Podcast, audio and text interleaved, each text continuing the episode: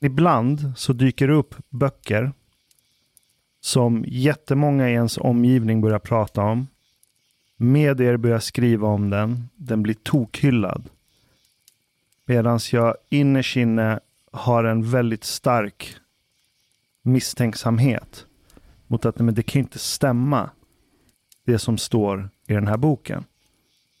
Men eftersom så många börjar referera till den till slut och hänvisa till den i varenda konversation man är i, i varenda diskussion man hamnar i, så är det någon som alltid ska hänvisa till den boken. Och då blir jag till slut ja, men, så frustrerad och lack att jag blir tvungen att läsa den för att se varför den appellerar så mycket till folk. och, och du vet den här uh, falskt ödmjuka Tänk om jag har fel, jag kanske kan lära mig någonting. och nu har det dykt upp en sån bok. Jag vet inte om du har hört talas om den än. Den kom ut för något år sedan tror jag i USA. Ungefär ett år sedan. Och sen har den blivit översatt till svenska också. Så det är många i Sverige som pratar om den nu. Och den ligger på New York Times bestseller. Jättestora namn har hyllat den. Bland annat en person som jag inte alltid håller med om men har följt länge, Nassim Taleb. Mm. De är väldigt noggrann med att man ska göra sin hemläxa, kolla data innan man uttalar sig om någonting. Mm. Till och med han har hyllat den. Och boken heter The Dawn of Everything. Början på allt. Ja, har du hört talas om den? Jag stod och höll i den i eh, en bokaffär för bara några dagar sedan. Aha. Um, och jag, jag, tänkte en tanke då, men jag sparar den och ser om vi har tänkt samma tanke. Okej. Okay. Um, ehm, eller vill du höra den nu eller vill du vänta? Uh, va, va, varför höll du i den? Var det någon som hade rekommenderat den eller bara sprang du på den i butiken? Jag sprang på den i butiken, den var väldigt tydligt skyltad och liksom frontad ja. som en eh, bestseller. Den här borde du läsa. Och jag tror att det fanns någon koppling till det här är den nya Sapiens. Yes. Och min enda tanke var, is it really? Eller är det en eh, mänskligheten har blivit befolkade av ödlor podd som har blivit till bok? alltså förutom ödlorna så tycker jag att den är lika jag ska inte säga konspiratorisk, men att man bara sätter ihop massa lösa trådar mm. för att skriva om historien. Det var lite det som var min skepticism mot den. Blev du skeptisk av att läsa baksidan eller hann du bläddra i den någonting? Jag, jag blev skeptisk av att läsa baksidan mm. och tänkte ganska snabbt att nej, här, den här och Sapiens är två helt olika verk. Ja, innehållsmässigt är de eller det är ju samma tema. De ställer ju samma fråga. Vart jo. kommer vi ifrån? Varför jo. ser våra samhällen ut som de gör? Absolut, men, men visst är inte Sapiens historierevisionistisk, utan bara titta på historien med andra glasögon. Jo, den lutar mer åt det hållet. Mm. Precis. Men jag ska försöka sammanfatta den bara mm. snabbt. Mm. Och jag är extremt vinklad. För jag köper inte det som... Det är mycket jag inte köper i det som står i den.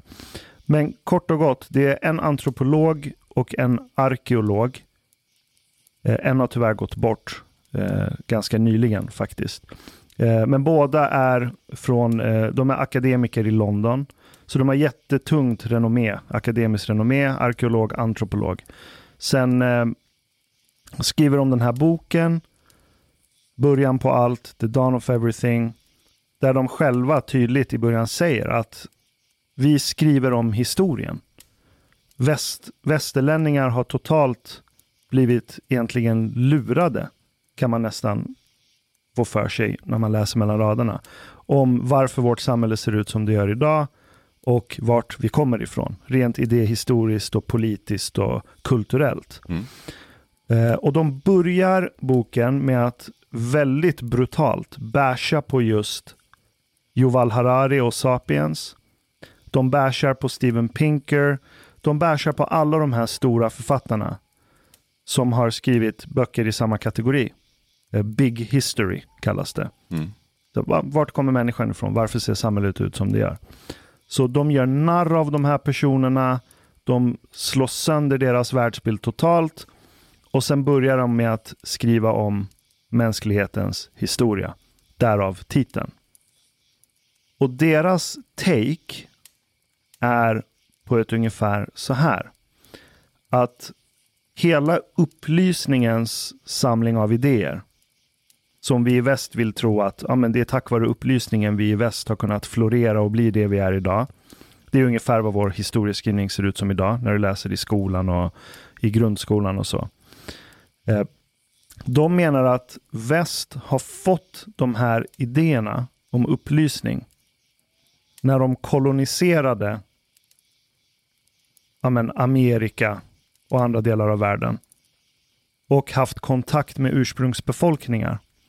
Så är det genom dialog med ursprungsbefolkningarna som västerländska tänkare har fått idéer om demokrati, frihet, jämlikhet och allt sånt som vi påstår att vi står för i väst idag. Mm. Och de börjar egentligen boken med frågeställningen, eller de kritiserar frågeställningen om ja, men varifrån kommer ojämlikheten? När blev människan ojämlik i sitt samhälle? De kritiserar själva den frågeställningen. Och där har de rätt. För om du ställer den frågan, när blev människan ojämlik?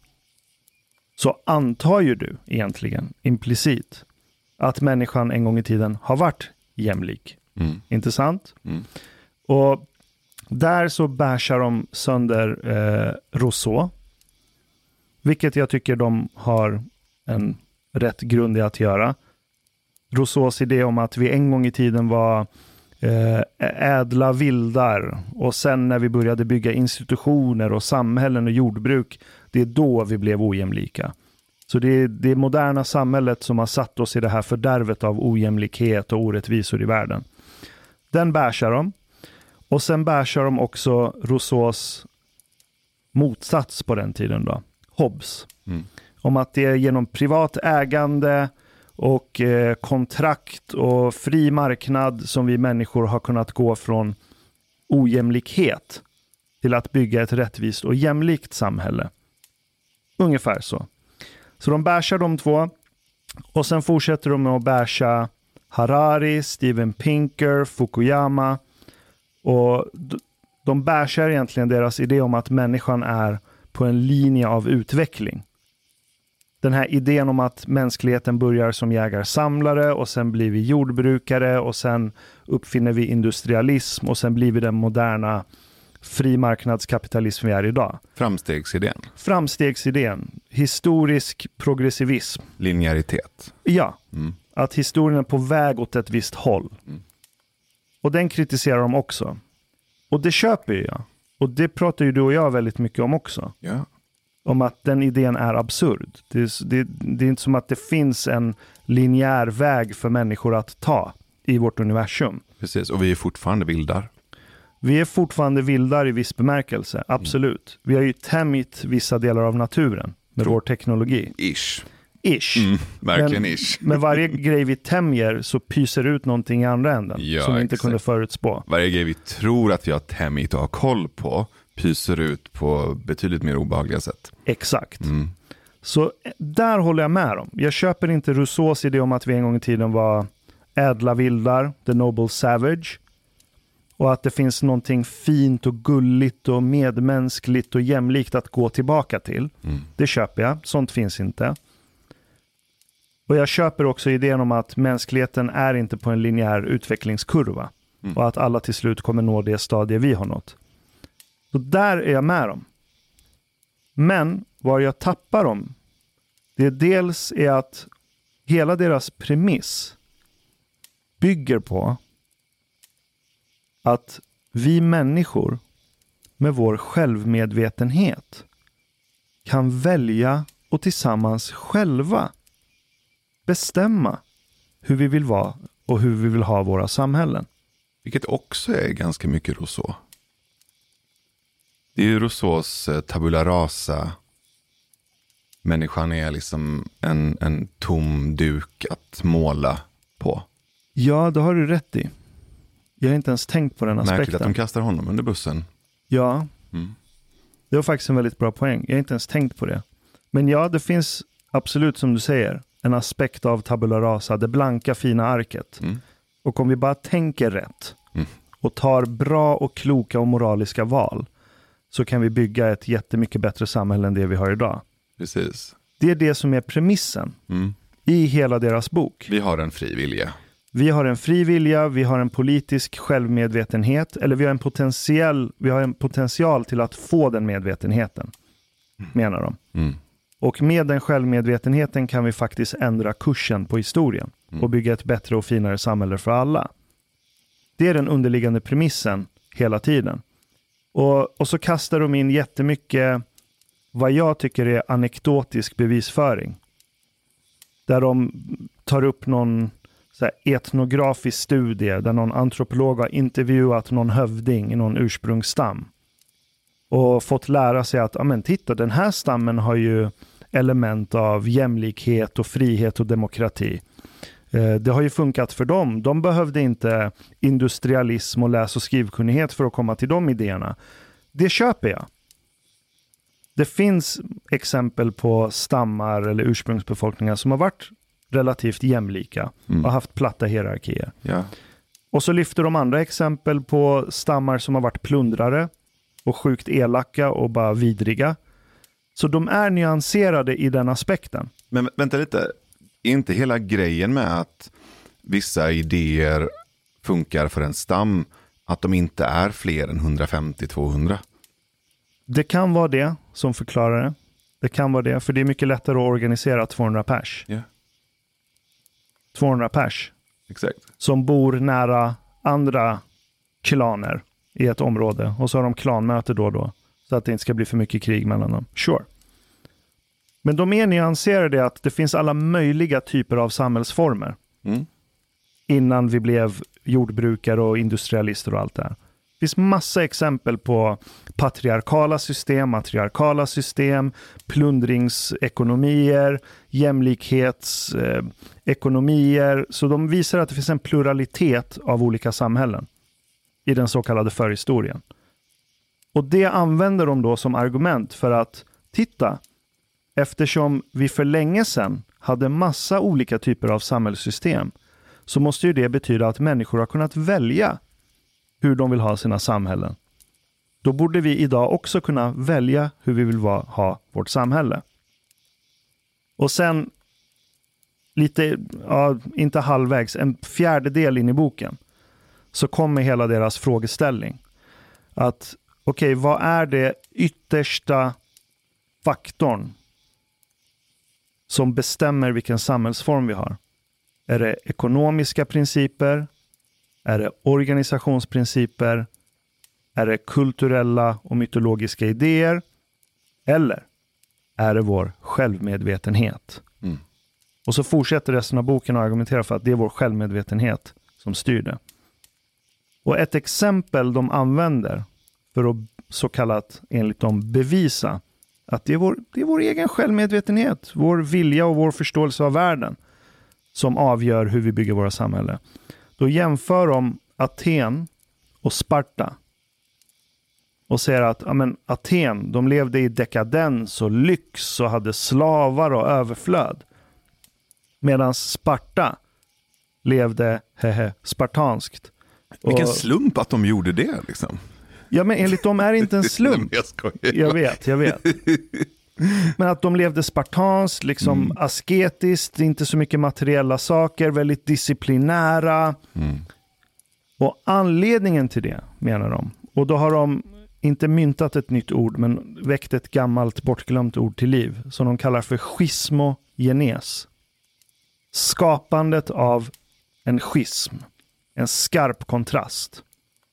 Och då menar de att samhällsformer utvecklas av att ett samhälle tittar på kringliggande samhällen, hur de är. Och så väljer de självmedvetet att inte vara som de andra. Så de börjar gå i motsatt riktning för att kunna bygga en egen identitet. Och därför är Sparta motsatsen till Aten. Okej. Okay. Okej, okay, fortsätt. Ja, och, och jag är klar med min väldigt vinklade sammanfattning av boken. Men det är i grund och botten att vi kan självmedvetet bestämma hur vi organiserar våra samhällen. Varför? Jo, för att för länge, länge, länge sedan fanns det massa olika former av samhällen. Det måste betyda att de har valt olika vägar att gå. Och en förklaring till hur vi väljer vilken väg vi ska gå, genom att titta på våra grannsamhällen och så försöker vi vara inte som dem. Och om vi blir medvetna om det också, då kan vi väldigt kontrollerat bestämma oss för att bygga precis det samhälle vi vill. Där alla är glada och lyckliga. Jag, jag vet inte om, om det är liksom djupt obehagligt eller djupt ointelligent eller en kombination. Men hur fan kan man vara en så välutbildad person och ha studerat historien som en antropolog och en arkeolog och sen komma fram till den här slutsatsen att vi medvetet styr vår civilisation och utveckling. För mig är det en helt bisarr tanke. Att du på något sätt som, som kollektiv skulle kunna styra över tid och över generationer en samhällsorganisering och att det skulle ske baserat på någon slags jämförande och studie av kringliggande civilisationer och samhällsstrukturer. Va? Hur fan kommer de fram till det? Genom dels att ja, i förhistorien så fanns det en jättebred pluralism, en mångfald av olika sorters samhällen. Ja, men det är ju utfallet. Det är utfallet, ja. ja. Men deras Precis. tes bygger ju på att det här utfallet är ett resultat av en medveten riktning och strategi. Yes. Ja, och hur stärker de den tesen? De stärker den genom att dels igen visa att det finns en pluralitet av samhällsformer för länge sedan. Och sen hittar de intervjuer och samtal mellan kolonialister och ursprungsbefolkning och deras hövdingar där idéer om demokrati, frihet, jämlikhet delas med av hövdingen mm. till europeen. Mm. Det är typ deras argumentation. Det finns en pluralitet och det finns det de kallar för schismogenes. Det måste betyda att vi självmedvetet kan välja vilken samhällsform vi vill ha. Så vi är inte fast i den här påhittade linjära utvecklingskurvan för, kurvan för mänskliga samhällen. Och det är det, de blandar ihop olika koncept. Vissa saker köper jag. Att ja, vi är inte fast i någon kurva. Den här kurvan finns inte. Yeah. Den finns bara i våra huvuden. Det finns ingen linje mot det ultimata samhället som alla samhällen är på väg mot. Bara de får chansen. Det köper inte jag heller. Men att vi självmedvetet kan välja vilken samhällsform vi vill ha. Det är det mest bizarra jag hört i diskussionen om historia, vart vi kommer ifrån och varför sakernas ting är som de är idag. Det som är ännu mer bisarrt är ju hur de bygger sitt case i så fall, om det som du säger här, att de börjar med att skjuta ner Harari, Pinker, Fukuyama, Fukuyama Rousseau, Hobbes. De skjuter ner alla de här tänkarna och säger basically, det här är förenklat. Så här är det inte. Skjuter ner de här förenklingarna för att sen säga, här är vår förenkling. Man bara, dude, vänta. Det här är ju precis lika enögt och förenklat som det ni precis har skjutit ner och kritiserat. Ja, men de gör det jävligt snyggt. Snyggt eller manipulativt? Jag, jag vill, kolla det här jag blir också kluven för att man ska ju läsa det som sägs. Man ska inte bry sig om vem personen är. Absolut. Men på frågan om det är manipulativt eller om de bokstavligen på riktigt tror på det de själva skriver. Just det. Jag tror att de tror på det de skriver. Fair enough. För att en av dem, jag kommer inte ihåg vilken av författarna, var grundarna bakom Occupy Wall Street. Mm. Och båda är uttalade anarkister. Så jag tror de tror på det här. Det är jag ganska övertygad om. Så jag tror inte de har något ont uppsåt. Men i och med att de de förenklar ju skiten ur mänsklig historia genom att säga att ah, men det är självmedvetet. Vi kan välja. Men sen visar de jättemånga exempel på samhällen som har varit helt olika varandra. Och då får man ju en upplevelse av att oj vad komplext det är med samhällsbygge mm. och, och historia. Och ja, det är komplext. Men, och här kommer min fråga då. Eller min kritik mot dem egentligen. Hur kan ni skriva 600 sidor bok som ska förklara början på allt vad gäller människans samhällen.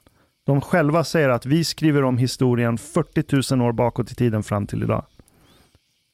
Och landar i att det är självmedvetandet som styr hur vi bygger våra samhällen. Hur kan du skriva 600 sidor på det temat?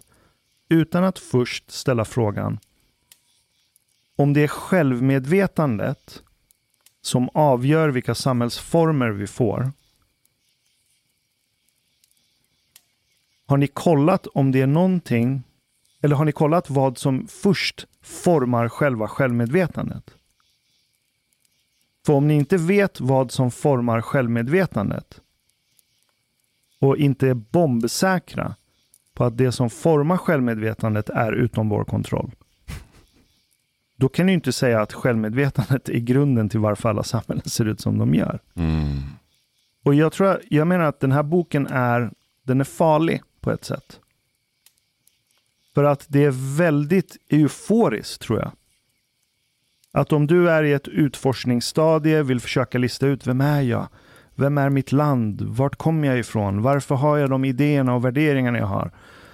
Och, och så är du kritisk kanske mot hur världen ser ut, vilket är befogat. Och så läser du den här boken. Och får insikten att shit, det är vårt självmedvetande.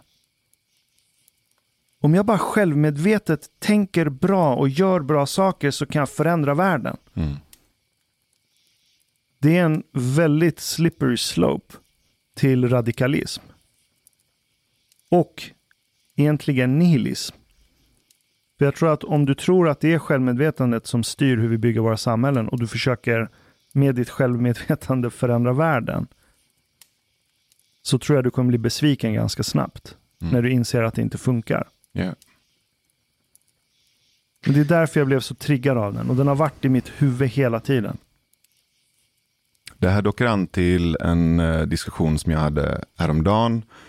Där vi pratade om Andrew Tate. Mm. Som uh, börjar som någon slags uh, kickboxarstjärna och sen kliver in i en uh, playboy-influencer som använder TikTok och Instagram och YouTube och, och, sociala medier för att kabla ut sitt budskap om framgång. Och framgång är dyra privatjättar, att vara en hustler, en playboy. Um, och leka, tjäna en massa pengar, ha dyra klockor och kostymer och sen sitta och hålla små uh, Gary V-intensiva mini-TED-talks om att vara en riktig man, om hur du behandlar kvinnor. Och, och bara sitta och pladdra egentligen maniskt. Um, och så diskussionen vi hade handlade om vad skillnaden är mellan Jordan Peterson och Andrew Tate. Mm. För att mycket av det de pratar om rent tematiskt um, är ju liknande ämnen. Ja, manlighet i kris.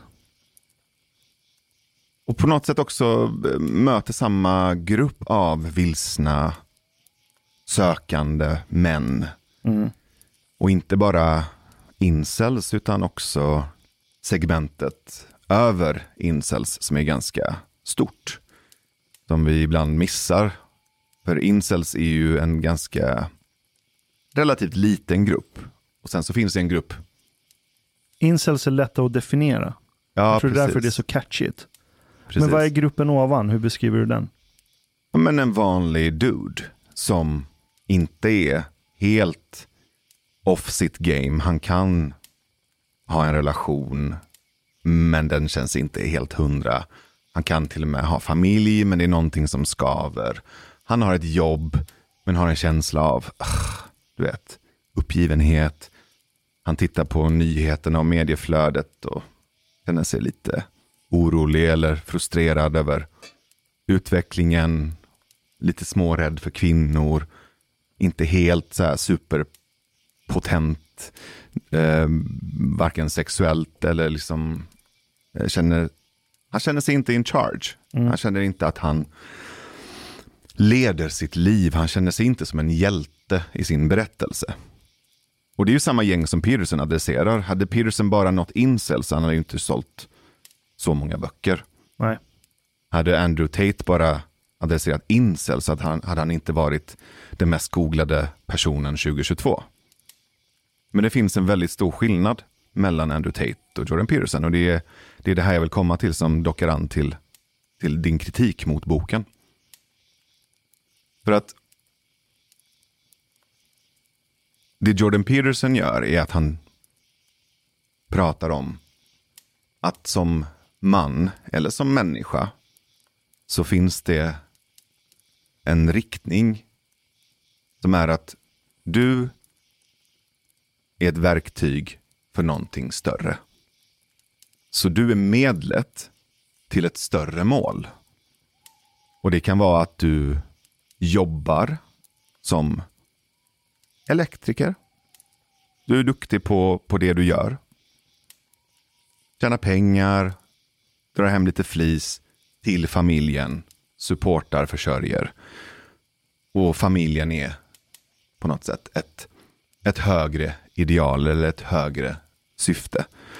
Ehm, du är författare eller journalist eller konstnär och använder dig själv och din konst eller ditt skrivande som verktyg för ett högre syfte som är sanning.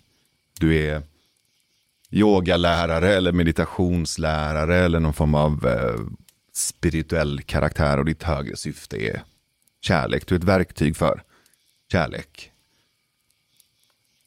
Är det Peterson som säger det? Eller- Peterson är ju mer inne på den linjen. Ja. Att eh, plocka upp en tung sten, ta dig an en stor uppgift och vara verktyget för det högre syftet. Bidra till det större. Det finns någonting större än du.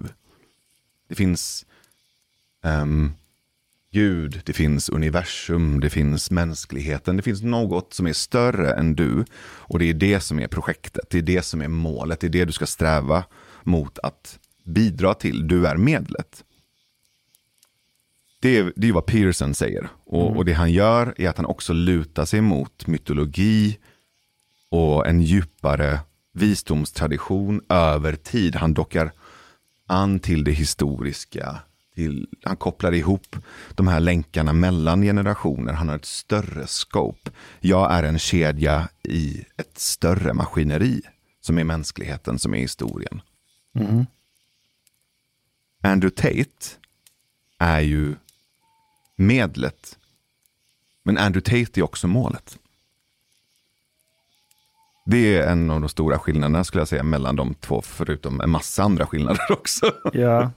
Men min, min poäng är att om du som individ både är medlet och målet, så blir det ensamt, cyniskt och nihilistiskt.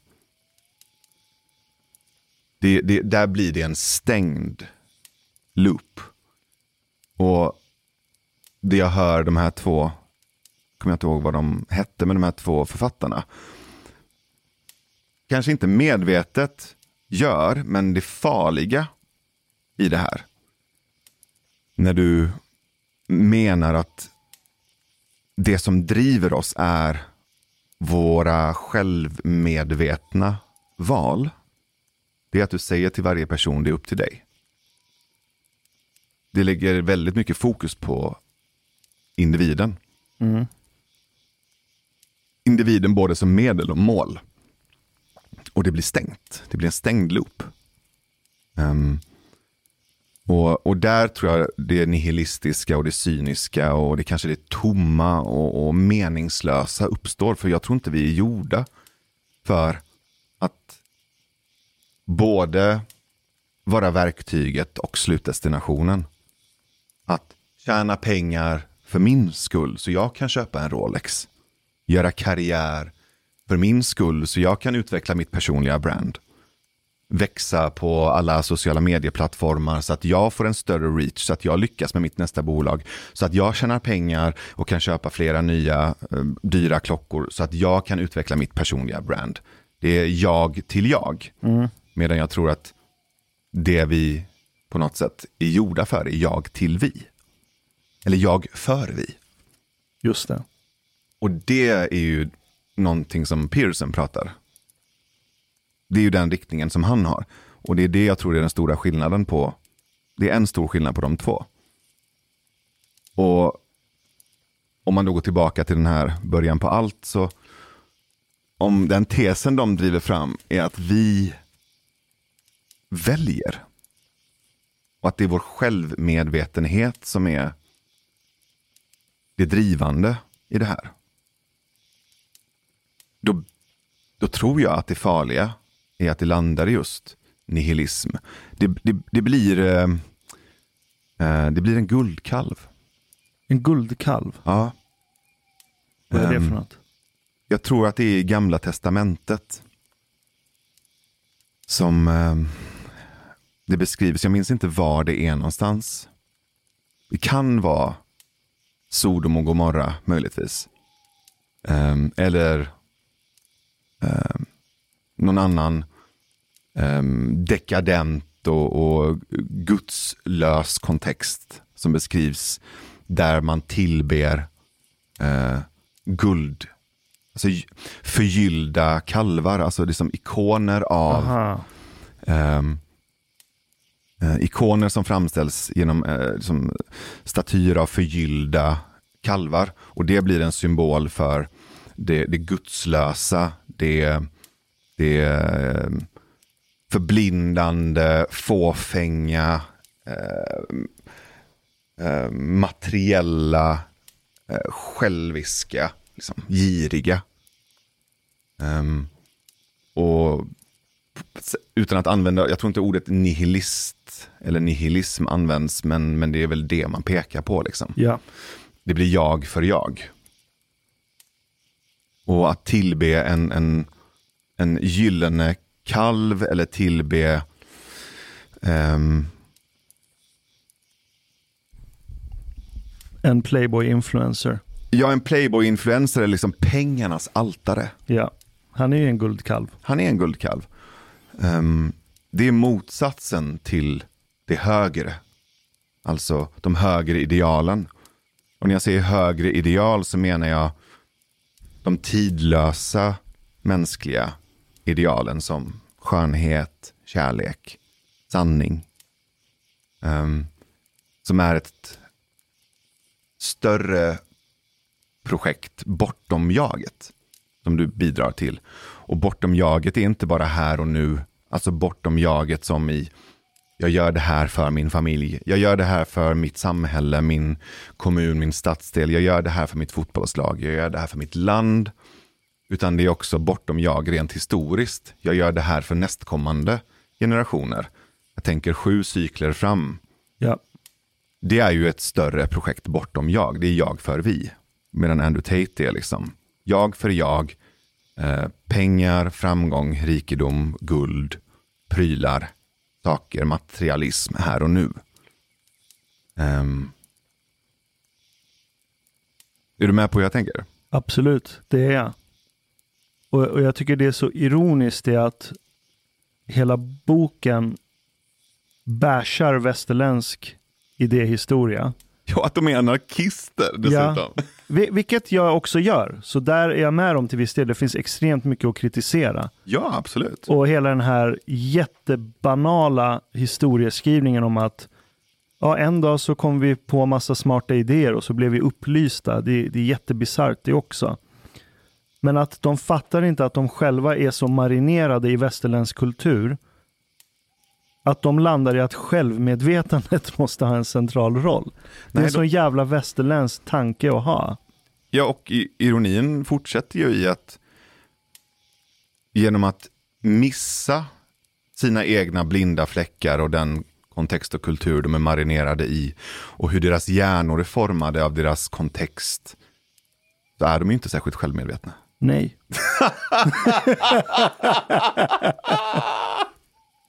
Det är ju slutet på allt. Japp. Exakt så. Wow. Det är vad boken illustrerar. En total avsaknad av självmedvetenhet. 600 sidor. Yes. Brist på självmedvetenhet. Det är faktiskt jävligt roligt. Jättegulligt ju. Och, och det, det som fascinerar mig är att den här boken säljer som smör. Varför, fasci- varför, varför, vadå, är du förvånad över det? Jag är inte, nej, inte förvånad. Jag är oroad. Fascinerad och oroad samtidigt. Vet du vad det är? Det är tarotkort för akademiker. det är astrologi för akademiker. Eller det blir ju det. Det, det, det landar ju i, apropå, du vet, eh, den här maniska behovet av att göra, att tvinga kaos till ordning. Vilket blir förenkling. Ja, Precis som astrologi eller konspirationsteori. Så blir ju det här, känns som att det är en trend nu att, att göra förenklade historierevisioner som har ett mått av eh, konspirationism. Liksom. Alltså du vet i kölvattnet av eh, Graham Hancocks eh, succé på Netflix och, och olika typer av eh, poddar som, som kommer med så här olika begynnelseberättelser och så här var det egentligen. ja. Graham Hancock, det är Ancient Civilizations va? Eh, Ancient Apocalypse. Aha, jag har inte sett den än. Men bygger den, visst är det någonting om att det har funnits en avancerad civilisation före oss? Som var på samma nivå, eller högre nivå kanske? Ja men det, det är ju, det dockar ju an till viss del till hela den här Atlantis-idén. Aha, Och grejen är att jag har egentligen ingenting emot den här typen av teoribildning eller um, idéframställan. Så länge den är ödmjuk. Så länge den inte framställer sig själv som vetenskap. Så länge den inte presenterar en ny moral, en ny um, förenklad berättelse, ett nytt uh, narrativ, utan snarare det, det roliga med det och det intressanta med det, uh, som jag tycker är Graham Hancocks styrka, det är hans ifrågasättande, hans kritik, hans utforskande och, och, och, och grävande, no pun intended. För att det finns saker som är otroligt intressanta. Jag menar, den här, han har ju hittat en kulle, en gigantisk kulle, jag tror det är någonstans i Indonesien. Och med olika typer av ehm, kameratekniker, ehm, eller jag vet inte ens om det är kam, jo det är en slags kamera som kan eh, mm, se liksom genom jord. Någon Okej. slags nästan så arkeologisk röntgen. Jag vet inte hur den tekniken fungerar exakt, men jag tror f- funktionen är någon slags eh, landskapsröntgen. Helt ja. och då har de tittat ner i den här kullen och upptäckt att där ligger världens hittills största byggnadsverk som är byggd av människor. Coolt. Och det räcker. Jag är redan, jag är redan intresserad. Jag är redan fascinerad. Du har mig. Du behöver inte komma med ett svar. Du behöver inte komma med eh, en lösning problemet och fördjupandet av problemet och utforskandet av det vi inte vet är tillräckligt. Det, det retarderade kommer ju när du ska försöka svara på det. Ja, eller slå ihop de här trådarna Ja, i en koherent berättelse. ja, för då gör du ju precis det du kritiserar dina meningsmotståndare för. Att de är förenklade. Historien är så komplex. Okej, så låt den vara det då. Varför ska du komma med en ny förenkling? Det är ju jättekorkat. Men det skapar ju också en trygghet. Ja, men om du kollar på Ancient Apocalypse med Graham Hancock. Och så blir du övertygad om att det måste ha funnits en civilisation som har varit likade, lika eller mer avancerad än oss. En gång i tiden. Det ger ju en trygghet i att ja, men då måste det finnas ett svar någonstans. Det måste någonstans gömma sig ett svar på den här existentiella jordbävningen som vi kallar för livet. Mm. Och det blir en trygghet. Ja. Ish. Ish. Något du kan luta dig på. Mm. Frågan är om den här boken är av eh, David Wengrow och David Graeber heter de. Skapar det trygghet att veta att vi med självmedvetandet kan faktiskt forma samhällena precis som vi vill? Det är ju the illusion of safety som i Fight Club när de tittar på de här flygplansbroschyrerna.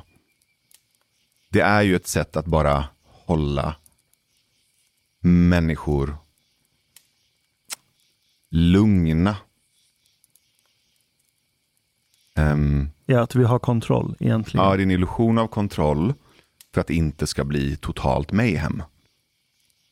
Vilket igen blir ironiskt med tanke på att de är anarkister. Ja, Ehm, för det är ju inte sant. Alltså ingen, ingen av de här förenklingarna kan ju stå för sig själv och vara sann. Då blir det ju en osanning, en illusion. Bara för att kunna liksom ehm, slippa ångesten, slippa känna sig utkastad i totalt kaos. Eller den totala osäkerheten som det innebär att vara vid liv. men också att du kan rikta anklagelser mot någon. För om vi självmedvetet har hamnat där vi är idag, då betyder det att människor självmedvetet har tagit beslut som leder till jättemångas misär. Så med deras ramverk kan du också hitta... För det är mycket enklare att anklaga någon för varför saker suger. Mm. Än att nu, om du nu tror på deras berättelse och istället ta din självmedvetenhet och bygga en bättre värld. Mm. Så det ger ju dig också fog för att rikta dina anklagelser mot att det måste vara någons fel. För att det ser ut som det gör. Men det är därför jag säger att det är astrologi för akademiker. För att det finns en motsvarighet till det här inom new age. Och det är den här tänk dig frisk-sekten. Tänk dig frisk. Mm. Vad gör de för något? De menar ju på att om du tittar på den mänskliga hjärnan och även förlängningen då i nervsystem, ehm, celler, gener, kroppen, resten och hjärnan som någon slags kommandocentral över den mänskliga varelsen. Om du blir medveten och tränar upp din medvetenhet så kan du till slut börja styra dina tankar. Och kan du styra dina tankar så kan du styra dina känslor. Aha. Och kan du styra dina tankar och känslor så kan du styra ditt nervsystem, dina organ, dina celler.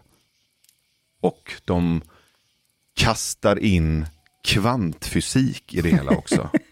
du vet, det är på den nivån. Som... eh, Och nu, nu har jag tappat namnet på honom. Det finns en jättestor guru inom det här. Ja, är det inte han som eh, debatterade med Sam Harris och det blev shitshow av alltihopa? Eh, han har något indiskt namn va? Ja, jag har tappat namnet på honom. Men det är en amerikan. Ja, ja. Joe Dispenza. Aha, jag tänkte på någon annan. Mm. Okej. Joe Dispenza. Ehm, jag tror han är läkare i grunden. Och han pratar ju om att du på riktigt kan gå in och börja styra dina celler genom tankefrekvenser, genom medvetenhet. Och en otroligt obehaglig effekt av den här tankeriktningen är att man både implicit och explicit säger till människor som till exempel har cancer. Kanske om du hade tänkt mer positivt. Mm. Kanske om du hade gått på min retreat och lärt dig det här. Om du hade lyssnat på mina meditationer. Då hade du inte behövt ha vindruvsklasar av tumörer i din hjärna. Kanske om du hade köpt den här boken, kommit på den här föreläsningen och, och ansträngt dig och verkligen övat och kontroll över din hjärna och börjat styra mer uppmärksamt, mer medvetet så hade du genom mental träning, genom meditation, genom att lägga in alla de här timmarna, fast det de egentligen säger, om du hade betalt mig. Ja. Mm. Det där är västerländsk självmedvetenhet slash individualism gone fully retard. Det är precis det jag menar. Att du med tankekraften kan styra till och med de kemiska processerna i dina celler. Och grejen är att det som är komplext med både den här um, Double David författartrion, Mm. duon. De hette väl David båda två? Ja, de heter David. båda David två. och David. Ja. Problemet med dem och problemet med Joe Dispenza, som också är problemet med, eller problemet, problemet slash det som är fascinerande med konspirationsteorier eller Graham Hancock, det är att det finns ju någonting. Det finns ju ett, ett eller flera korn av, jag vill inte säga sanning, men det finns någonting där som inte är helt bullshit också. Det skapar i sig en förvirring. För om du går till Joe Dispenza till exempel. ja, jag tänkte fråga vad är det som inte är bullshit i hans? Det du kan göra med meditation. Det är ju att på riktigt sänka anspänning i nervsystemet. Du kan på riktigt avidentifiera dig, om så bara för någon sekund från en negativ tanke. Du blir inte av med tanken, men du kan mjuka upp identifikationen med tanken. Du kan öva på hur du förhåller dig till negativa tankar när de dyker upp. Det finns någonting där.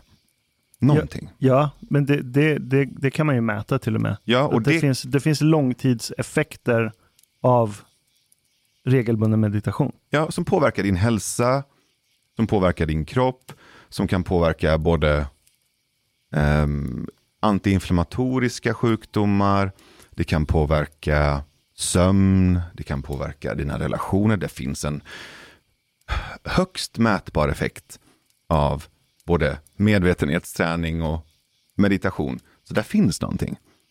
Och där finns någonting i det Graham Hancock säger om att vi måste vara mer kritiska till historieskrivning. Och till arkeologi som vetenskaplig disciplin. Och det finns ju säkerligen någonting att säga om, om korn av sanning och, och eh, någonting som faktiskt är intressant och funkar med den här början av allt-boken och kritiken de framför mot Rousseau, och Hobbes och eh, Harari. Allt det där är ju legit. Eh, och där finns någonting att, att titta på. Ja, jag, jag gjorde stickprov på referenserna de använder. Mm. Så de levererar ju jättemycket bevisföring. Det är ju hur de slår ihop de olika bevisen till en tolkning eller en förklaring. Ja. Det är där osanningen kommer enligt mig. Så ja, den är full av sjukt intressanta exempel på gamla samhällsformer eh, och allt sånt. Den kryllar av sånt. Mm. Så det finns många korn av sanning i den.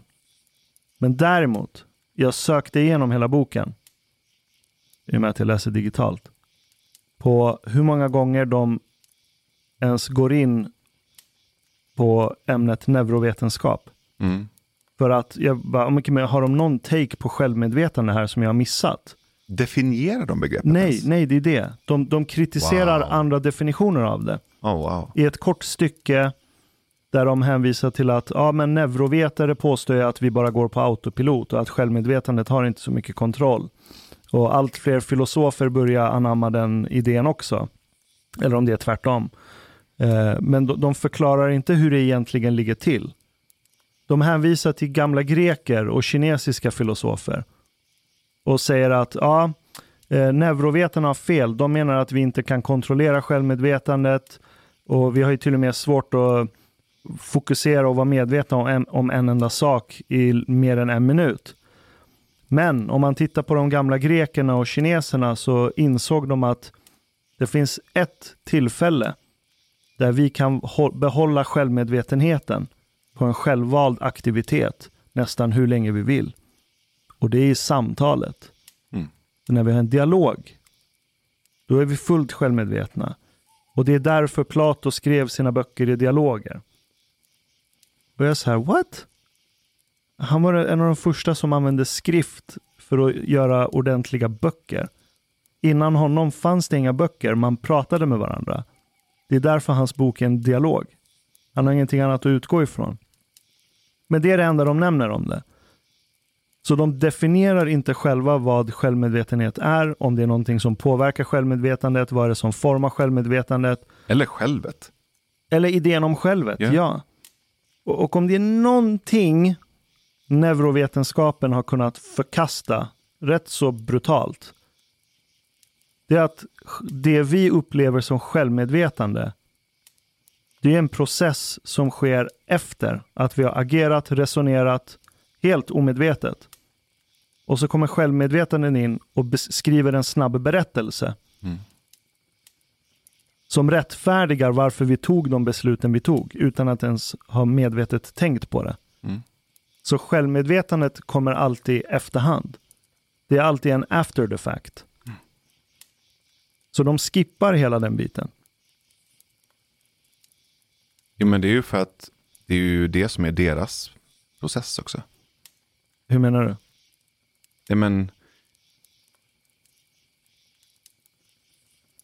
De, det låter ju som att de i boken driver en tes som handlar om att självmedvetenhet inte är en i efterhand konstruerad berättelse för att eh, rationalisera och på ett enkelt sätt greppa det som egentligen är en kaotisk och um, ganska svår och komplext förklarad resa. Det landar de i en förenklad efterhandskonstruktion i boken. Um, så att tesen de driver är att självmedvetenheten är Först. först och är mer riktning Mm. av ett gemensamt projekt. Ett samarbete av en grupp. Ehm, för hade de börjat blanda in neurovetenskap så hade det ju gått emot den tesen. Om neurovetenskapen landar i att självmedvetenheten är en efterhandskonstruktion och Yes. inte en förhand planerad riktning. Exakt så. Så det, det är klart att de inte blandar in neurovetenskap. Då har de ingen bok. Nej.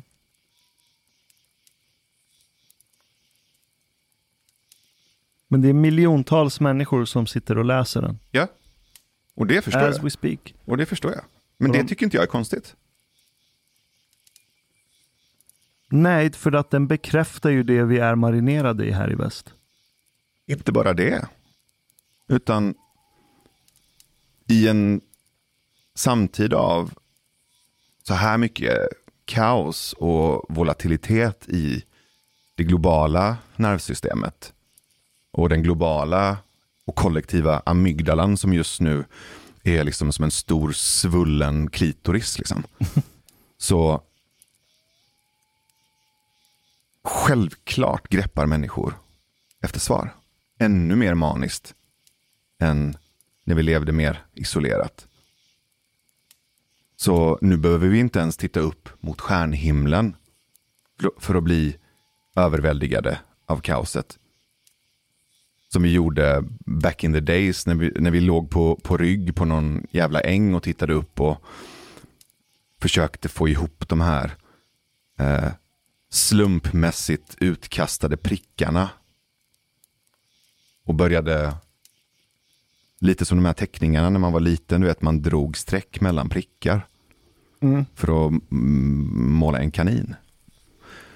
Så låg vi ju där på rygg och drog streck mellan prickar och ja, det där ser ut som ett lejon och det där ser ut som en oxe och det där ser ut som för att kunna mm, skapa ordning av kaoset, make sense av det där. Um, som ser ut som bara en massa prickar. Astrologi. Och nu är mänskligheten själv sin egen stjärnhimmel av kaos. Så vi behöver inte ens titta upp för att göra de förenklade symbolerna. Utan vi tittar runt och gör de förenklade symbolerna av oss själva och av varandra. Vi är stjärnbilderna. Vi är förenklingarna. Det är så här det gick till. Det är så här vi funkar. Jag är, ja, jag är en person. Nej, det är du inte. Du, är en, du, du, du, du bara ritar den här kaninen varje dag. That's it, det är det du gör. Att du, att du har ett jag är för att du skapar ett jag varje dag. Och du har gjort det så länge att du har glömt att du gör det. Ett jag som vi dessutom reviderar hela tiden. Mm. Självbiografin är ju den mest stökiga Wikipedia-dokumentet som finns. Visst? Vi skriver ju om vår egen berättelse så jävla ofta genom livet. Vem vi är, varför vi är som vi är, vad det berodde på. Varför vi har tagit de beslut vi har tagit, varför jag ser ut som jag gör, Mm. varför jag har varit på olika sätt genom livet. Det är Wikipedia-dokumentet. Det är sönderreviderat. Och ett Wikipedia-dokument är dynamiskt, under konstant utveckling, kaotiskt organiserat.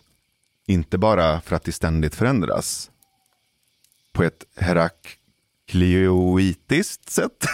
Jag glömmer alltid bort vilken som är den svenska och engelska. Herakleitos och Heraklitus. Mm. Jag tror Herakleitos är svenskt. Så Wikipedia är ju floden, tänker jag. Ja, Och inte bara för att det aldrig är klart, utan också för att det är så många olika personer som har möjlighet att gå in och um, förändra. Så det blir en mycket mer kaotisk process. Och självbiografin är mer koppen med vatten som du plockar ur floden. Det är Bonacqua-flaskan. Det är stelnat. Det är ehm, den här eh, ja, men, stilla vattenpölen som till slut börjar ruttna och förmultna och, och bli unken. För den har, det finns ingen rörelse kvar, det finns inget liv kvar i den. Det är ett stelnat dokument. Självbilden, självbiografin. Självbiografin, ja. Um, för floden är ju ständig rörelse. Livet är ju ständig rörelse. Wikipedia är ju ständig rörelse. Alltså jag tror att självbilden är mer att du går och tar en kopp ur floden. Och så sippar du på den. Sen eh, till slut tröttnar du på den. Och så går du bara häller ut den och tar en ny kopp istället. För vi ändrar ju självbiografin. Hela tiden berättelsen om vem Navid är, mm. den har inte varit samma hela ditt liv. Sant. Du ändrar ju på den hela tiden. Mm. Speciellt efter att man har varit med om något trauma, något kaosigt, något som har varit jobbigt. Mm. Och så försöker man hitta förklaringar till varför det var så. Mm. Och sen skriver man om berättelsen. Sakta mm. men säkert utan att tänka på det. Men man har illusionen av att den är konstant. För annars skulle det vara jobbigt att vara människa och ha en identitet. Ja, det, det, är ju av och till funktionellt att ha ett jag. Ja, ja, det är funktionellt. Exakt, det är funktionellt. Mm. Men det finns ingen absolut sanning i det. Nej, precis. Så, alltså, jag är inte anti-jag. jag är inget emot. Nej, det jag. är också funktionellt. Jag känner flera jag. Alltså det, ja. jag, gillar, jag gillar de olika jagen jag, jag känner i min närhet. Jag har inget emot dem. Um. Och, och, det är också funktionellt. Mm. Och jag, jag tror det är nästan, det är mer funktionellt att se sig själv så idag. Men mi, mitt, jag har inget problem med det. Men det, det, finns en, en distinktion att göra här och det handlar om vilken penna du använder när du drar strecken mellan prickarna. Det är, om du, det är ju en jävla skillnad på en bläckpenna än en blyertspenna. Det är lite samma sak som det här hur du relaterar till dina tankar. Identifikationen med jaget, alltså strecket mellan prickarna. Mm. Identifikationen med dina tankar, alltså strecken mellan de kognitiva prickarna. Identifikationen med idén om mänskligheten eller historien. Alltså strecken du, drar mellan prickarna i boken, början av allt, för att ställa fram din tes. Är de skrivna i blyerts eller är de skrivna i bläck? Eh, finns det humor? Finns det ödmjukhet? Finns det distans till det? Är du redo att en vecka senare ifrågasätta hela din bok och, och verkligen liksom, göra plats för nya tankar. Det är väl det snarare som blir den stora frågan.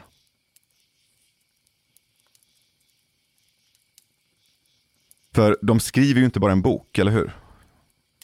Nej, det är ett manifest. Ja, precis. För vad? Vad är det de aspirerar till? Jag kan bara spekulera i det, men mm. i och mm. med att de är uttalade anarkister båda två mm. och en av dem var central i att dra igång Occupy Wall Street mm. under förra finanskrisen. Yeah. Så aspirerar de väl i, åt någon sorts antikapitalistisk riktning. Eller kanske inte antikapitalistiskt i sig, men, ja, men antikonsumtion, miljöförstöring, expansion den riktningen. Mm. De är väl anti det. Mm. Och också anti stor stat i och med att de har en anarkistisk bakgrund. Så det är ju ett manifest som mellan raderna säger du bestämmer hur världen ser ut.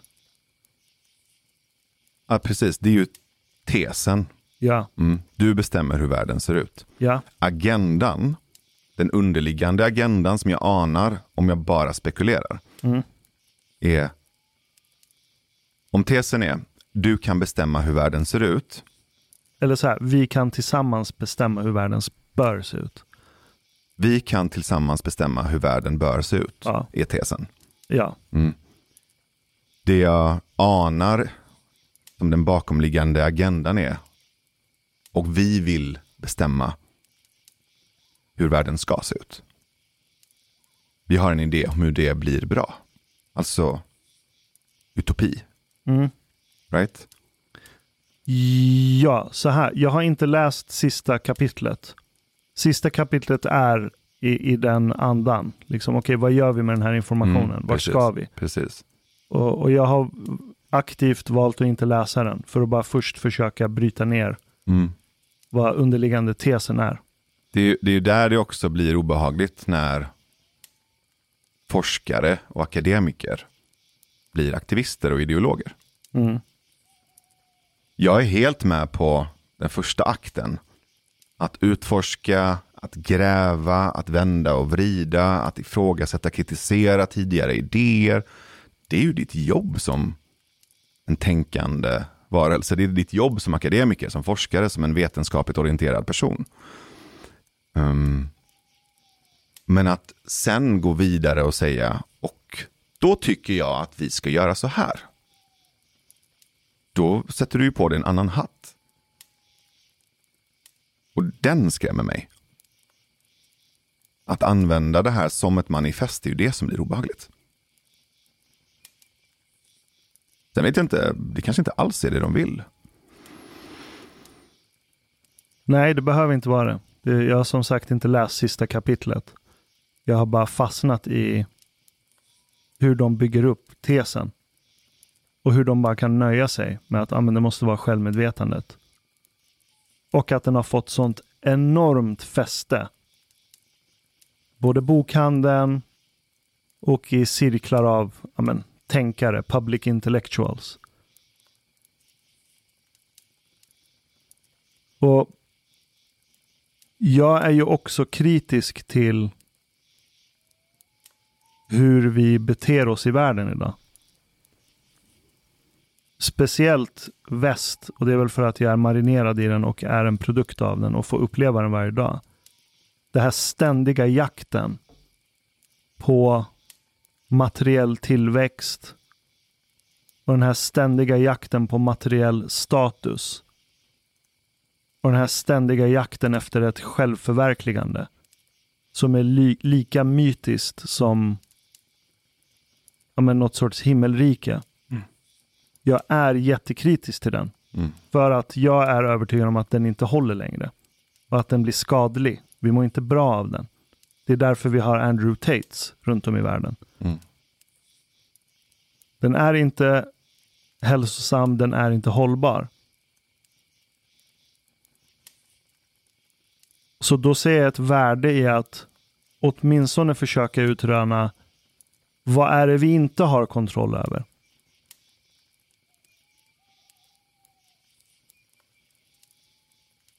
Och vad kommer du fram till att vi inte har kontroll över? Men om just självmedvetandet är central där. För att vi är så religiöst övertygade i väst om självmedvetandets roll. Som är en kvarleva från Descartes. Mm. Och det roliga är att de nämner inte Descartes en enda gång i boken heller. Wow. För det, det, det är någon sorts ny kartesianism. Mm. Det är vad boken är egentligen. Just det. Det är neokartesianism. Ja, det är det det är. Ja. Det är förklädd kartesianism. Yes. Det är exakt vad boken är. Så det, det är det mest västvärldsmarinerade projektet du kan tänka dig idag. Och det är fine, men då får de ju skriva en filosofisk bok. Då får det ju vara filosofi. Om det är det det är. Ja, men det är det där det blir så intressant. Att det är så I och med att den har sålt så mycket och att det är så många som pratar om den och det är så många som hyllar den. Det är så många som använder den för att förklara varför allting är som det är och hur vi bör gå framåt. Mm. Det är att vi har tagit det så för givet. Det är en sån absolut fundamental universal sanning. Vilken roll vårt självmedvetande har i det samhälle vi har. Så det är ingen som ens ifrågasatt den aspekten av den boken. Inte en enda kritiker har ifrågasatt det. Mm. Och det tror jag sätter pulsen på det som vi upplever som kaos i världen idag och hur, hur vi bör gå framåt. Det finns ju ett hål också. Det finns ett eh, vakuum som jag tror är väsentligt att prata lite kort om också. En avsaknad av en gemensam berättelse framåt. Ja. Och då blir vi väldigt lätt kidnappade av den här typen av falska profeter och guldkalvar. Andrew Tate är ett av de mest fascinerande och intressanta fenomenen i vår samtid. Hur Ja, kan man inte vara djupt nyfiken på honom? Och på de som lyssnar på honom och följer honom. Hur kan man inte vara djupt fascinerad av vad fan det är som pågår i den dialektiken mellan Andrew Tate och de här killarna och de andra som är triggade av honom. Alltså han är en fucking douchebag. Han är en liten pojke som ironiskt nog är en produkt av allt det vi har hyllat under decennier nu i väst. Han är ju ett resultat av våra ideal. Han är den perfekta pojken. Alltså titta på och avkodifiera hans olika attribut. Det är ju ett lapptäcke. En slags Frankenstein av vår civilisations största fails. Vilka attribut är det du ser i honom? Jag ser hyperindividualism och ensamhet. Jag ser ett hyllande av visdomsförakt och omognad. Jag ser dyrkandet av döda ting. Alltså, allt han gör är ju en tillbedjan av prylar, maniska böner till som den här guldkalven som nu är utbytt till en guld-Rolex. Det är ingen jävla skillnad. Och sen blir han den här falska profeten, blir begärsriktningen för de här unga männen och killarna som strävar efter att bli Andrew Tate. För att han pratar som, beter sig som och ser ut som en hjälte. Och har också en övertygad och väldigt tydlig retorik. En berättelse om hur det är. Och om vi då befinner oss i ett stort kaos och ett vakuum där det inte finns en gemensam berättelse. Där det råder en meningskris bland killar och män. Det finns ett behov av riktning. Så tror jag att man grabbar tag i vad fan som helst. Och då blir Andrew Tate ett handtag. Men det är falskt. Det är ett, här, ett löst handtag. Men det är åtminstone ett handtag. Och det är samma sak med den här början av allt. Yes, det är eh, handtag för utbildade människor. Det är Andrew Tate för akademiker. Mm. Och det är också ett skäl att vara nyfiken. Jag avfärdar det inte, jag, jag blir ju bara fascinerad. Men alltså att titta på Andrew Tate i en intervju eller höra honom prata är ju till viss del såklart obehagligt och märkligt men också djupt fascinerande. Eh, för det synliggör vårt behov våra mänskliga existentiella, mm, både individuella och kollektiva behov av ordning, mening, riktning. Um, och det är ju ett sätt att försöka adressera de här tidlösa frågorna. Vad är en människa? Vad gör vi här? Um, var kommer vi ifrån? Vad är meningen med allt? Han adresserar behovet. Precis som Jodie Spence adresserar behovet. Precis som Double D och med början på allt adresserar behovet. Men man gör det på ett falskt sätt. Och då blir det farligt, tror jag. Det finns två termer som jag vill lyfta. Och de är från eh, Jan Söderqvist och Alexander Bards senaste bok, Digital libido. Mm. Och det är, det är ett kapitel där de går igenom, men man skulle väl kunna kalla det som ett krig mellan olika världsbilder. Där de här två begreppen är eternalism och mobilism. Mm. Där de menar att i alla mytologier, världsbilder, all metafysik egentligen, där du försöker förklara sakernas tillstånd, så kan, har du antingen ett eternalistiskt, en eternalistisk utgångspunkt eller en mobilistisk utgångspunkt när du försöker förklara världen. Skulle man kunna för att eh, lättare förstå det här kunna säga att eternalism är att ta en polaroidbild och förklara världen genom den.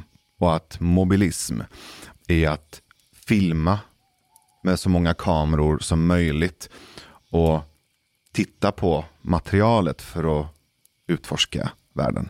Det, det är åt det hållet. Mm. Så eternalism betyder egentligen att du utgår ifrån att det finns någon dimension av universum eller världen eller vad du vill kalla det. Det finns någon dimension någonstans där det inte sker någon förändring alls.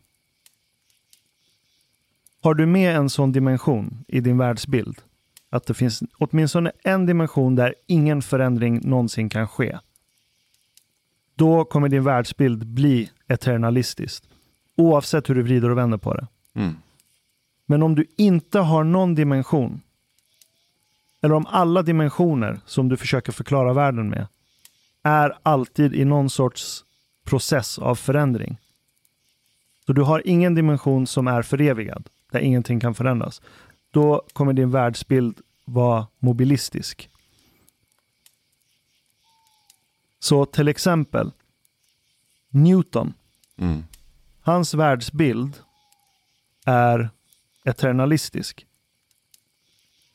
Det kan låta kontraintuitivt, för man tänker vadå? Newton sa att planeterna är i ständig rörelse och världen eh, förändras hela tiden på grund av gravitation och alla de här effekterna. Men det som är dolt i Newtons berättelse är att det måste finnas naturlagar som gäller överallt i hela universum. Och där har han uppfunnit en dimension som aldrig kan förändras. Alltså basic, det finns ju ett deterministiskt inslag av det också. Exakt, determinism, att allting är förutbestämt, Mm. är alltid resultatet av en eternalistisk världsbild. Mm. Plato och hans grotta, Mm. att vi människor, vi står med ryggen vända eh, mot solen som sipprar in ner i den här grottan och vi ser bara skuggorna på en vägg. Det är det vi ser av världen. Men där ute, utanför grottan, där finns den faktiska verkligheten och sanningen som den egentligen är. Mm. Det är också en eternalistisk världsbild. Att det finns någon dimension som innehåller saker som inte går att förändra på. Och från det så har du ju ja, men kristendom och islam. Mm. Att bortom den här kroppsliga världen, då finns den själsliga världen, himmelriket. Gud. Mm. Och den är inte föränderlig. Det är basen som allt annat vilar på. Precis. Och alla egentligen, till och med hinduismen är eternalistisk. Hur då? För att i hinduismen så har du ju, du har ju alla de här mikrogudarna som vanligt folk ber till. Mm. Shiva och alla de här, Vishnu.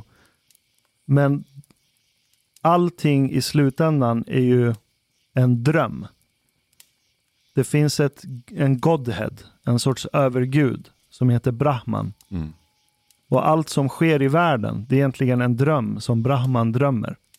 Vi är alla karaktärer i Brahmans dröm. Är det det som kallas Maya?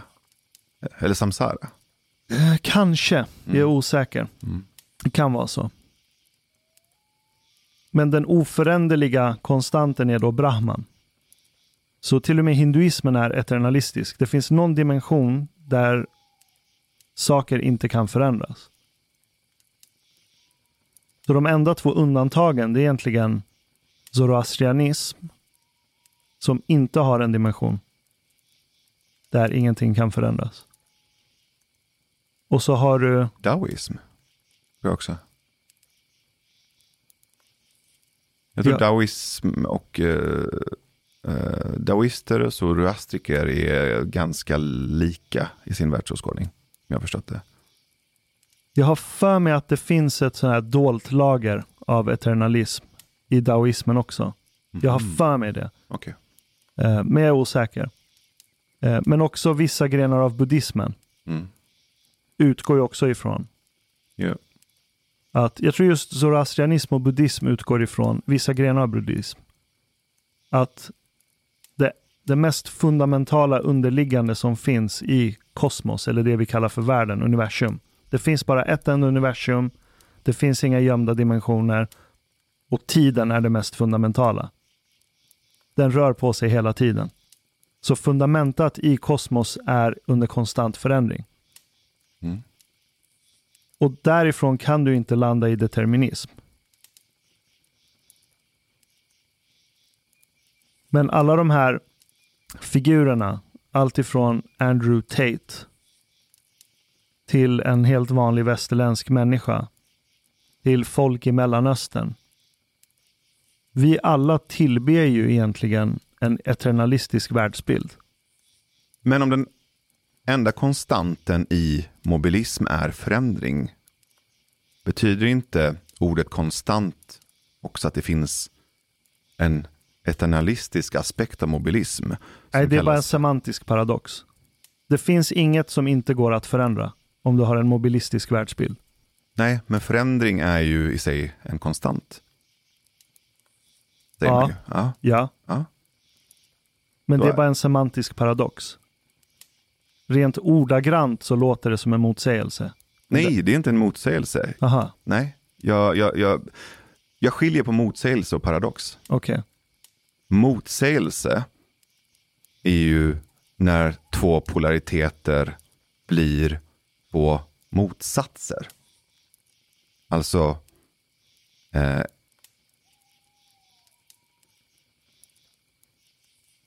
motsatsen till ljus är mörker. Det är varandras motsatser, det är motsägelse. De går emot varandra. Okej. Medan en paradox är, det finns ljus och det finns mörker.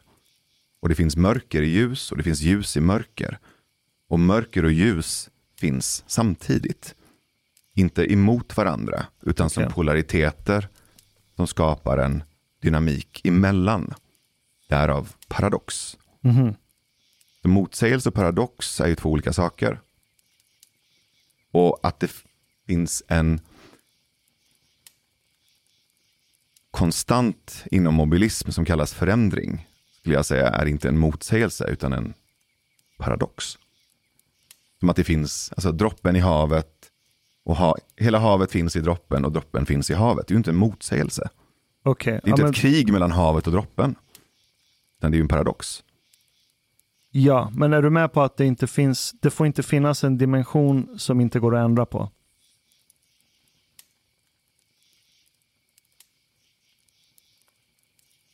Det, det är kriteriet du måste uppfylla Mm. om du ska bygga en mobilistisk världsbild. Mm. Att allt är under ständig... Men du hör ju själv, Förändring. mobilistisk världsbild. Är inte det spännande? Ändå. Ja, men jag är västermarinerad. Om mobilism Ja. är mobilism så är det ju inte längre en världsbild. Nej, det är ju inte en världsbild, utan det är bara vi människor med våra små puny medvetanden som av funktionella anledningar behöver skapa illusion av att saker är permanenta. Mm. Men det är ju bara en illusion. Mm. Så om jag tittar på, vad vet jag, en, eh, eh, ett bord. Det ser ut som att den är permanent. Den är statisk, den står där. Bordet skiftar inte mellan vara ett bord och en leopard hela tiden. Det beror ju på vad du har tagit. Det beror på vad jag har tagit.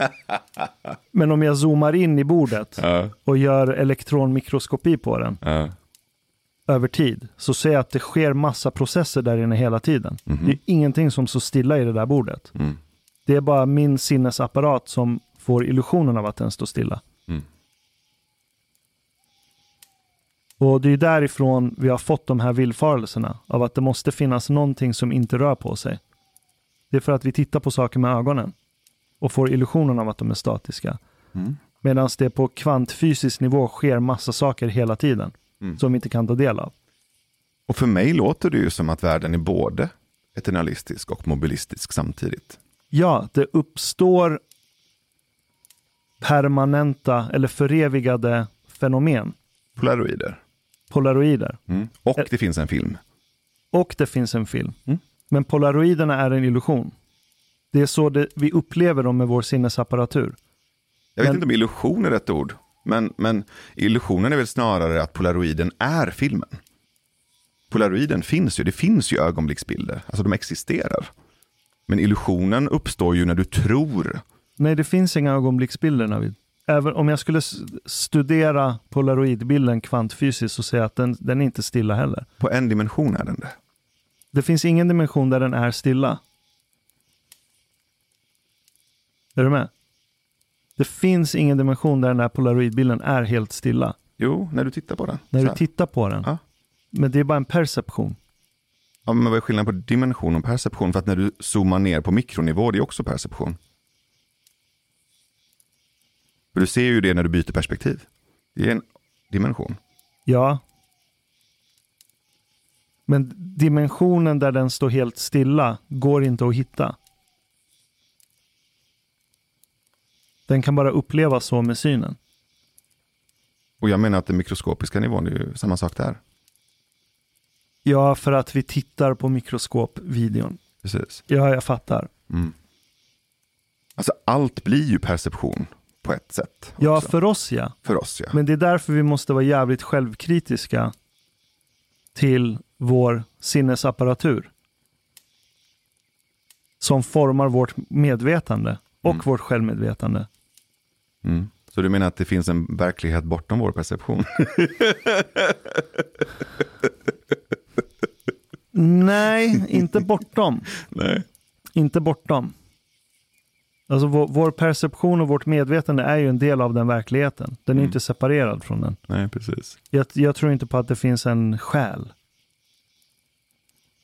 Någon sorts helig dimension där själarna lever. Mm. Det är samma, vad heter det, krut och, vad säger man? Skrot och korn. Rubbet, rubb och stubb, samma skrot och korn. Mm.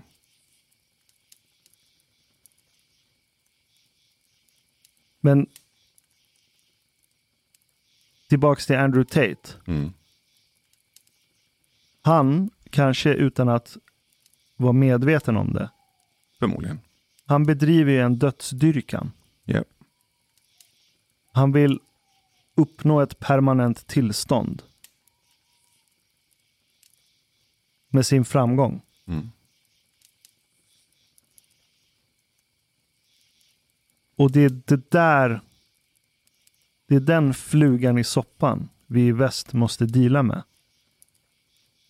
Att det finns inga jävla permanenta tillstånd någonstans. Det finns inget himmelrike, det finns inget självförverkligande. Det finns inget tillstånd där saker och ting är stabila och trygga och förevigade. Alla berättelser om något tillstånd någonstans långt där borta där saker och ting är permanent och oföränderliga.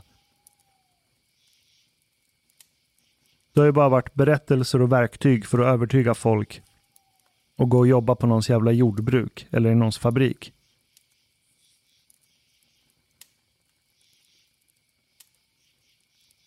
Och jag börjar undra om den här idén som många också tar för givet. Att vi behöver en mening. Är inte den också sprungen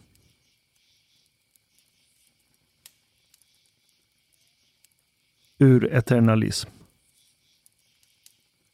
Varför behöver vi en mening? Nästan alla jag stöter på är övertygade om att vi måste ha någon sorts mening. Annars blir vi nihilister och deprimerade. Och ger upp. Och vi har ingenting att, va- vi har ingenting att bli inspirerade av och vakna upp till på morgonen om vi inte har en mening. Behöver vi en jävla berättelse hela tiden? Behöver du en berättelse?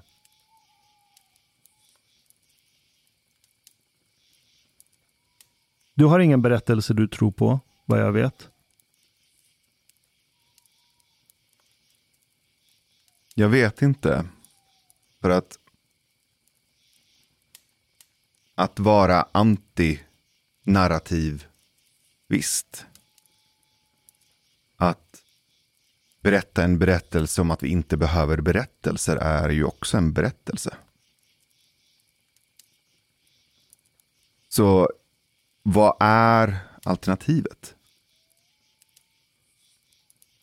Alltså vad är det att helt hänge sig åt kaoset? Att ge upp berättelsen eller strävan efter behovet av riktning eller mening. Vad Re- är det ens? Räcker inte riktning Riktning mot vad? mot någonting? Och vad är det någontinget? Det beror på vem du är och vad du har fötts med. Ja. Men för att kunna ha den där riktningen behövs ju också någonting. Alltså något språk för den resan. För om du har en riktning betyder det att du har punkter eller en linje från något till något. Alltså riktning betyder ju sträckan från något till något. Ja, Det är strecket mellan prickarna. ja. Och, Okej. den är, och den är illusorisk. Ja, Den är funktionell. ja, Den gör att vi rör på oss mm, och lägger ner energi på någonting ja, istället för att bara slappa och ge upp. Så den är funktionell, precis. men illusorisk. Så hur har du riktning utan språk? Hur har du en resa utan en berättelse? Hur har du en, har du en tyst riktning då? Det är det jag undrar. Vad är då alternativet?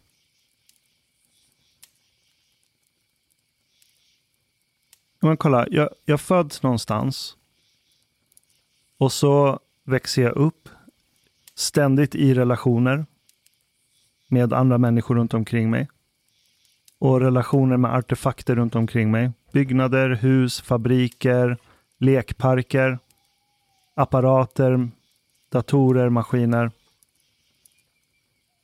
Och någonstans i den här soppan av relationer så upptäcker jag sakta men säkert att ja, men jag tycker att vara mer i relation med de här sakerna än de andra sakerna.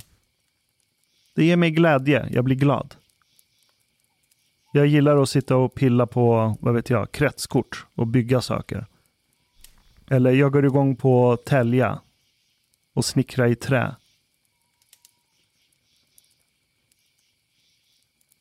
Därifrån kan jag bygga en riktning.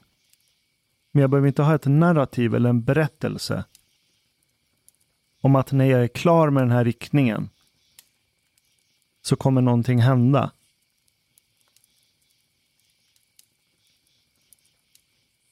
Du har ju precis berättat en historia. Där det finns ett jag, där det finns en omgivning. Där det finns en urskiljning på saker du gillar och saker du inte gillar. Du har redan börjat formulera en berättelse. Så, där är den. Där är språket för resan, där är språket för att förklara hur du navigerar i världen. Hur är det inte en berättelse?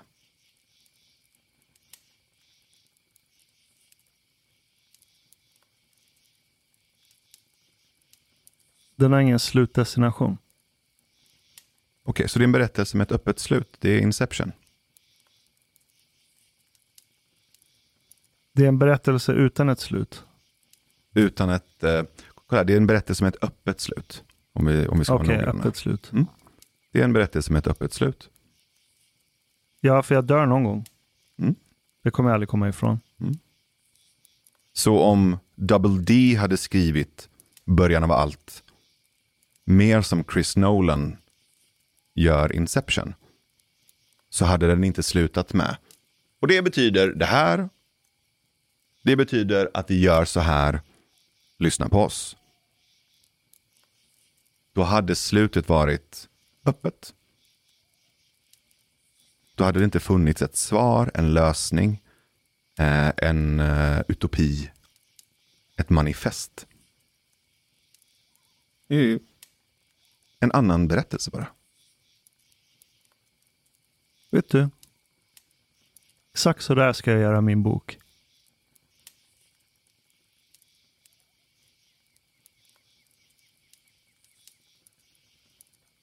Jag ska bara lägga fram allt jag har hittat. Och sen bara helt ärligt säga, jag har ingen jävla aning om vad jag ska göra med det här.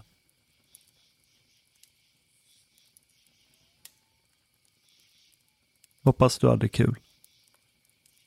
Vi ses. Kanske. För det är ju det enda ärliga. Egentligen. Alltså det enda ärliga är ju att göra resan. Och vara en nyfiken och utforskande, fascinerad, förundrad resenär. Och resa.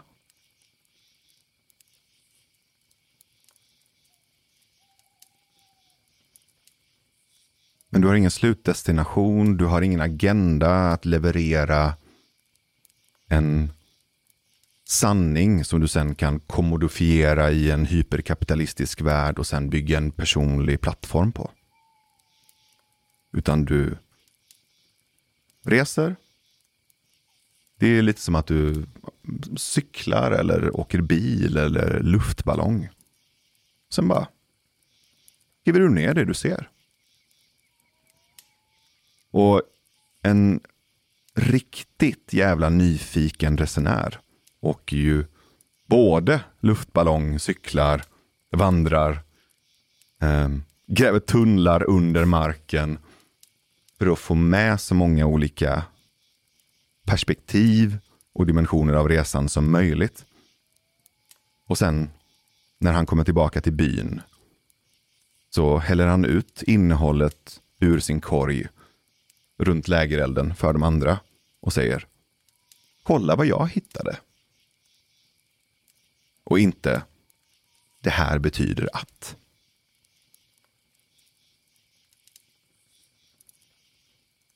Så det, jag tror att det är en skillnad på berättelser, bara olika typer av berättelser. Och kanske är det så att vi har en berättelsetradition i väst som är formaterad som en resa du gör. Från något till något där du landar i en ny lösning, sanning, riktning. Det är den där jävla eternalismen som spökar. För att när du landar i en slutsats, det är, en, det är ett försök till förevigande av någonting. För om du tittar på dramaturgin och berättelser, både böcker och konst och filmer från Sydkorea, Japan, eh, vissa gånger eh, Indien. Det är en annan typ av berättande. Inte alls lika eternalistiskt. Och karaktärerna är så jävla oberäkneliga. Du kan inte räkna med att en karaktär har samma karaktär hela tiden. Titta bara på Miyazaki. Är det Totoro och Spirited Away? Mm. Alla dem? Jag menar, en ganska vanlig grej där är att i början av hans berättelse, hans filmer, så tror du att du vet vem som är ond och vem som är god. Ja. Och sen i slutet så har du ingen aning längre. Och du får inget svar på det heller. Nej. Och det finns ju vissa autörer och kreatörer i väst som har blivit influerade av det som är mer mobilistiska. Som Christopher Nolan. Vi har ju nördat lite på hans tidsuppfattning och hans um, sätt att beskriva och gestalta tid som icke-linjär. Det säger ju någonting, eller hur? Mm. Ingen av hans filmer är linjära. Ingen. Arrival. Inte en linjär berättelse. Inception är inte en linjär berättelse. Spirited Away är inte en linjär berättelse. Så det finns ju de som försöker. Det finns ju de som försöker hacka och bryta det här västerländska um, berättelsetraditionen sprungen ur eller på något sätt um, besläktad med eternalismen. Um, men det blir ju otroligt spännande nu när, när vi mer och mer utsätts för andra typer av världsbilder och berättelser i och med att vi är mer sammankopplade i ett kaotiskt medium. Och det är ju det den rådande verkligheten, vare sig vi vill eller inte, tvingar oss att acceptera egentligen. Att när verkligheten, dag för dag, varje sekund, så blir du hela tiden påmind om att det som var på ett sätt för fem minuter sedan är förändrat nu. Det ser du ju hela tiden om du är på internet. Internet är ju den absolut fysiska manifestationen av mobilism. Mm. Där det inte finns någon dimension som är konstant hela tiden. Så blir du till slut tvungen att anpassa din självmedvetenhet och ditt medvetande till att släppa tanken om att någonting överhuvudtaget någonsin kommer gå att föreviga. Vi är ju tillbaka i Malströmmen.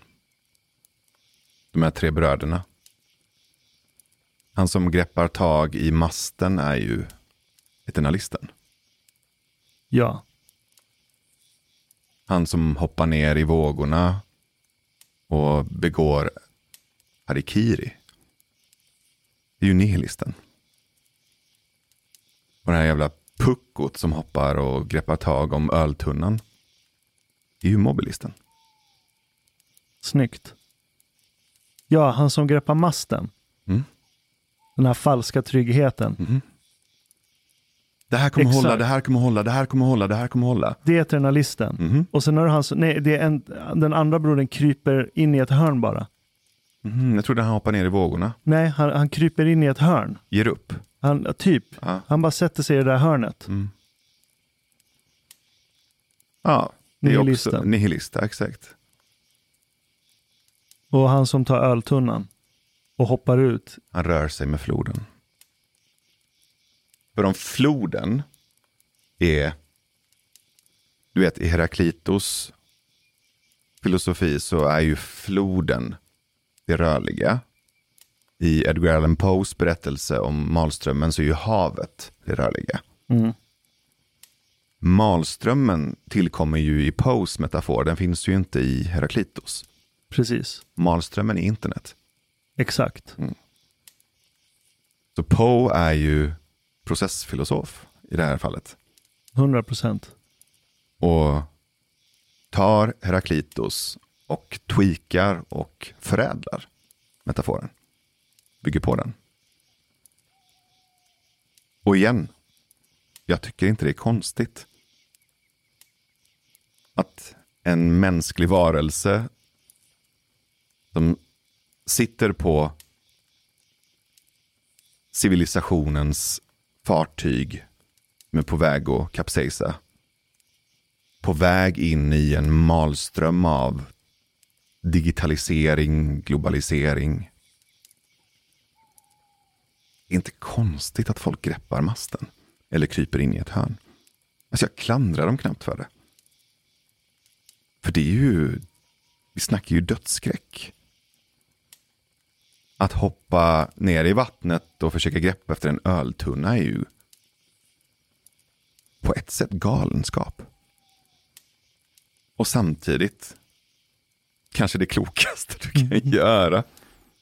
Att vara en idiot. Kanske är det klokaste sättet att överhuvudtaget ta sig igenom kaoset. Och jag tror att det är svårt för en akademiker att vara en idiot. det är för mycket att förlora, för mycket att riskera, för mycket prestige, för mycket renommé, för mycket investering Ja, han har ju spenderat hela sitt liv och alla sina pengar på att få ett diplom där det står att han inte är en idiot. mm. Jag vill skriva ut diplom till människor där de är idioter. Så de får ta examen från ett annat slags universitet. Liksom. Academy of Fools. Mm.